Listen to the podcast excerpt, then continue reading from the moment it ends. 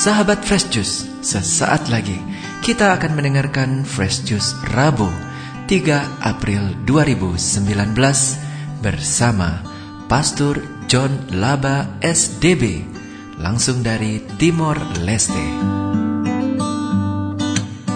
Semoga Fresh Juice yang kita dengarkan semakin menyejukkan dan menyegarkan jiwa kita.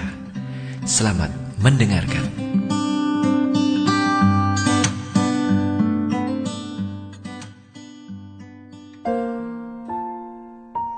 Saudara-saudari yang dikasih Tuhan, kita berjumpa lagi dalam Daily Fresh Juice pada hari ini, hari Rabu, Pekan Prapaskah yang keempat.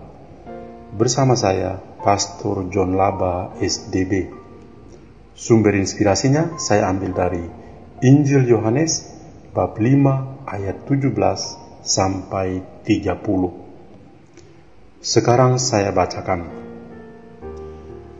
Sekali peristiwa, Yesus berkata kepada orang-orang Yahudi, Bapakku bekerja sampai sekarang, maka aku pun bekerja juga.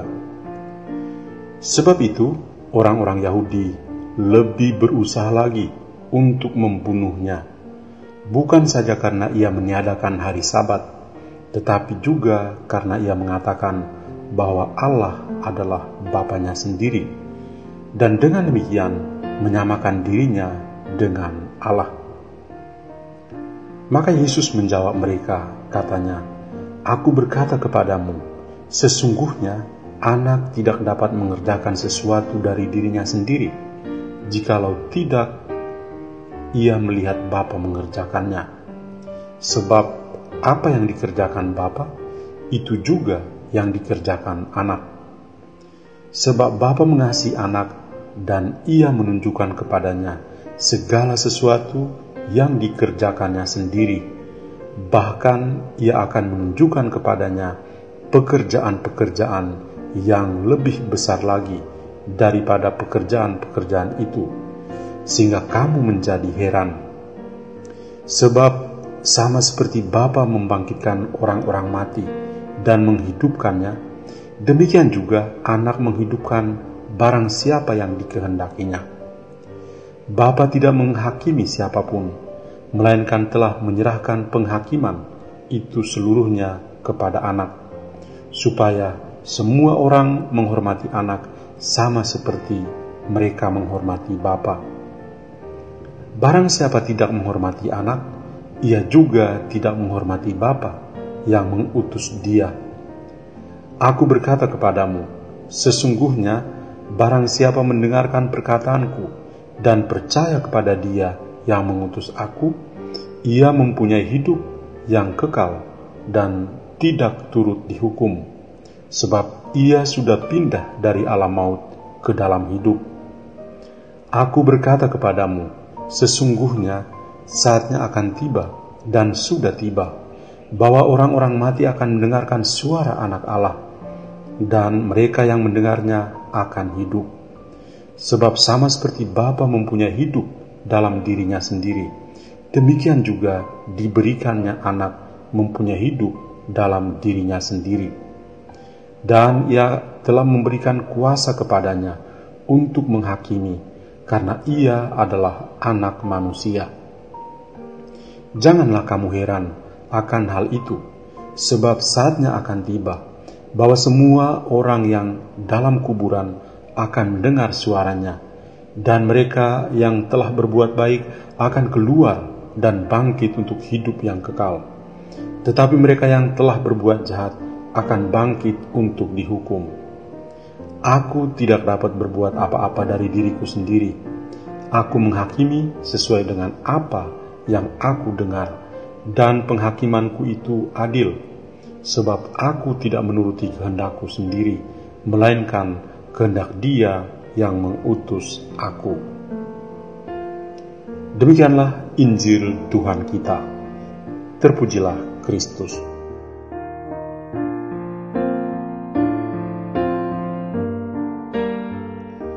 Saudara-saudari, saya memberi judul renungan pada hari ini.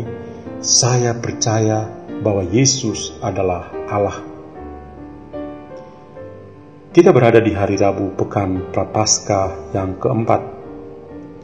Sebagaimana kita ketahui bersama, bahwa pekan Prapaskah keempat dikenal dengan sebutan lain, pekan sukacita. Sebab itu pada hari Minggu kemarin, kita melihat para Romo mengenakan kasula berwarna rose atau pink. Ada sedikit bunga yang menghiasi altar dan juga iringan musik. Tentu saja liturgi membantu kita untuk bersuka cita karena kita sudah berada di pertengahan masa prapaskah dan bahwa perayaan Paskah semakin dekat. Tuhan Allah Bapa di surga sungguh mengasihi kita.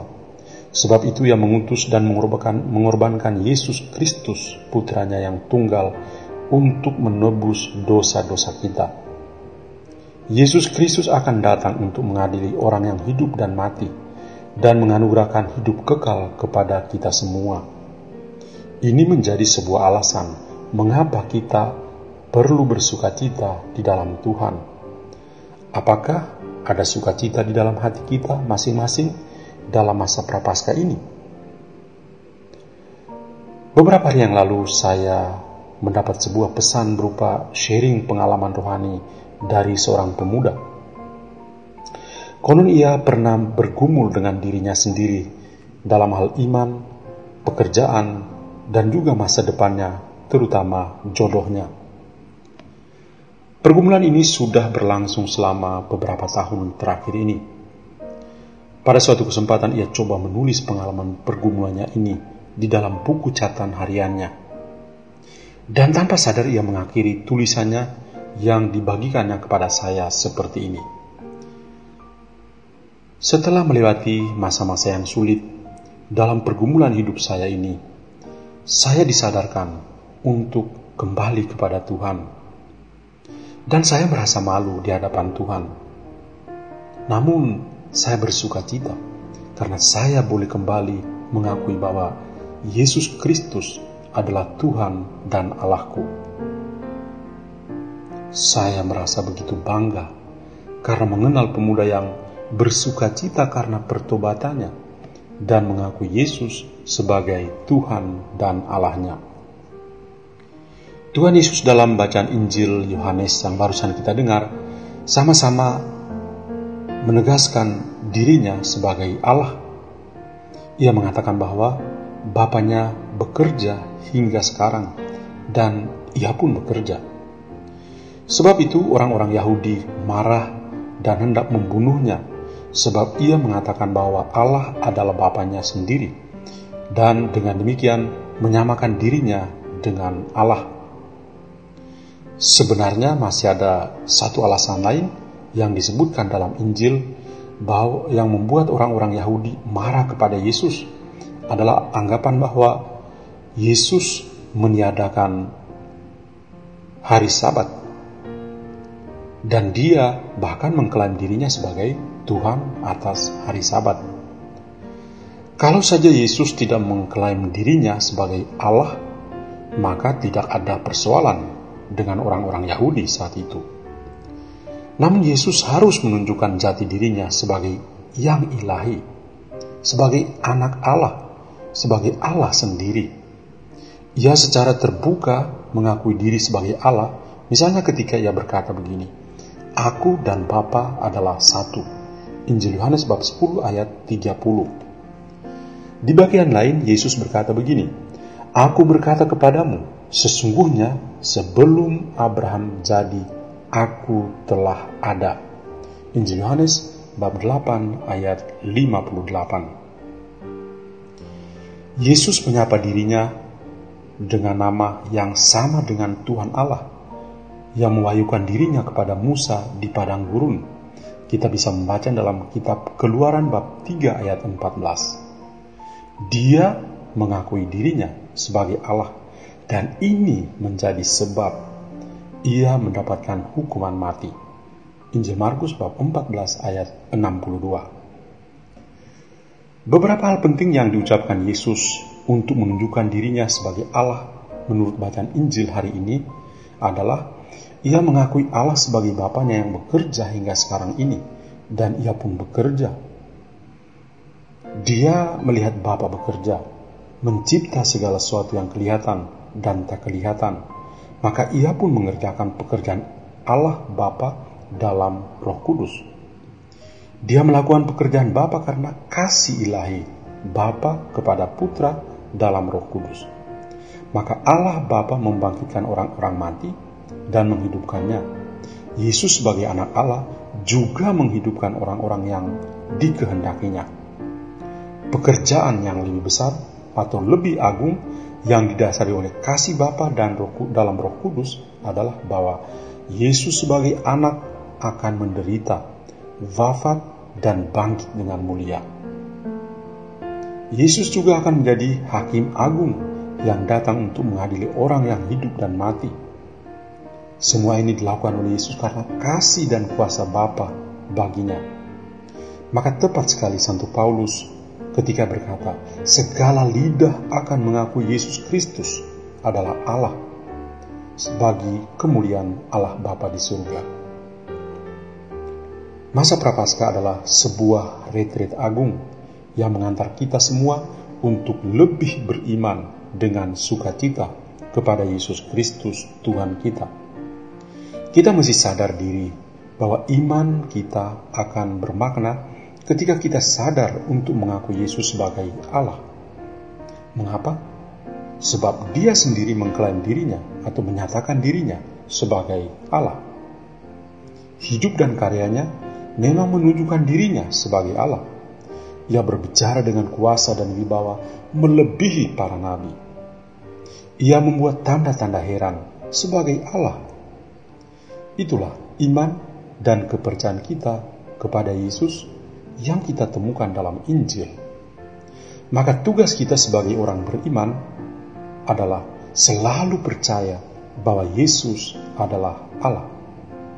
Hidup Kristiani bermakna ketika kita berusaha untuk hari demi hari hidup di dalam Yesus Kristus dan mengalami kasih abadi dari Allah. Maka pertanyaan untuk kita renungkan bersama hari ini adalah, apakah kita sungguh-sungguh percaya bahwa Yesus adalah Allah? Marilah berdoa. Tuhan Allah Bapa dalam surga, pada hari ini kami bersyukur kepadamu karena Engkau mewahyukan diri dalam Yesus Kristus Putramu. Bantulah kami untuk lebih dalam lagi mengimaninya sebagai satu-satunya Allah di dalam hidup kami. Bunda Maria yang berduka, doakanlah kami untuk teguh dalam iman kepada Yesus Putramu. Amin. Dan kiranya kita semua sepanjang hari ini senantiasa dilindungi dan diberkati oleh Allah yang Maha Kuasa, Bapa dan Putra dan Roh Kudus. Amin. Tuhan memberkati kita semua. Sahabat Fresh Juice, kita baru saja mendengarkan Fresh Juice Rabu 3 April 2019. Segenap tim Fresh Juice mengucapkan terima kasih kepada Pastor John Laba untuk renungannya pada hari ini. Sampai berjumpa kembali dalam Fresh Juice edisi selanjutnya. Tetaplah mengucap syukur dan salam fresh juice.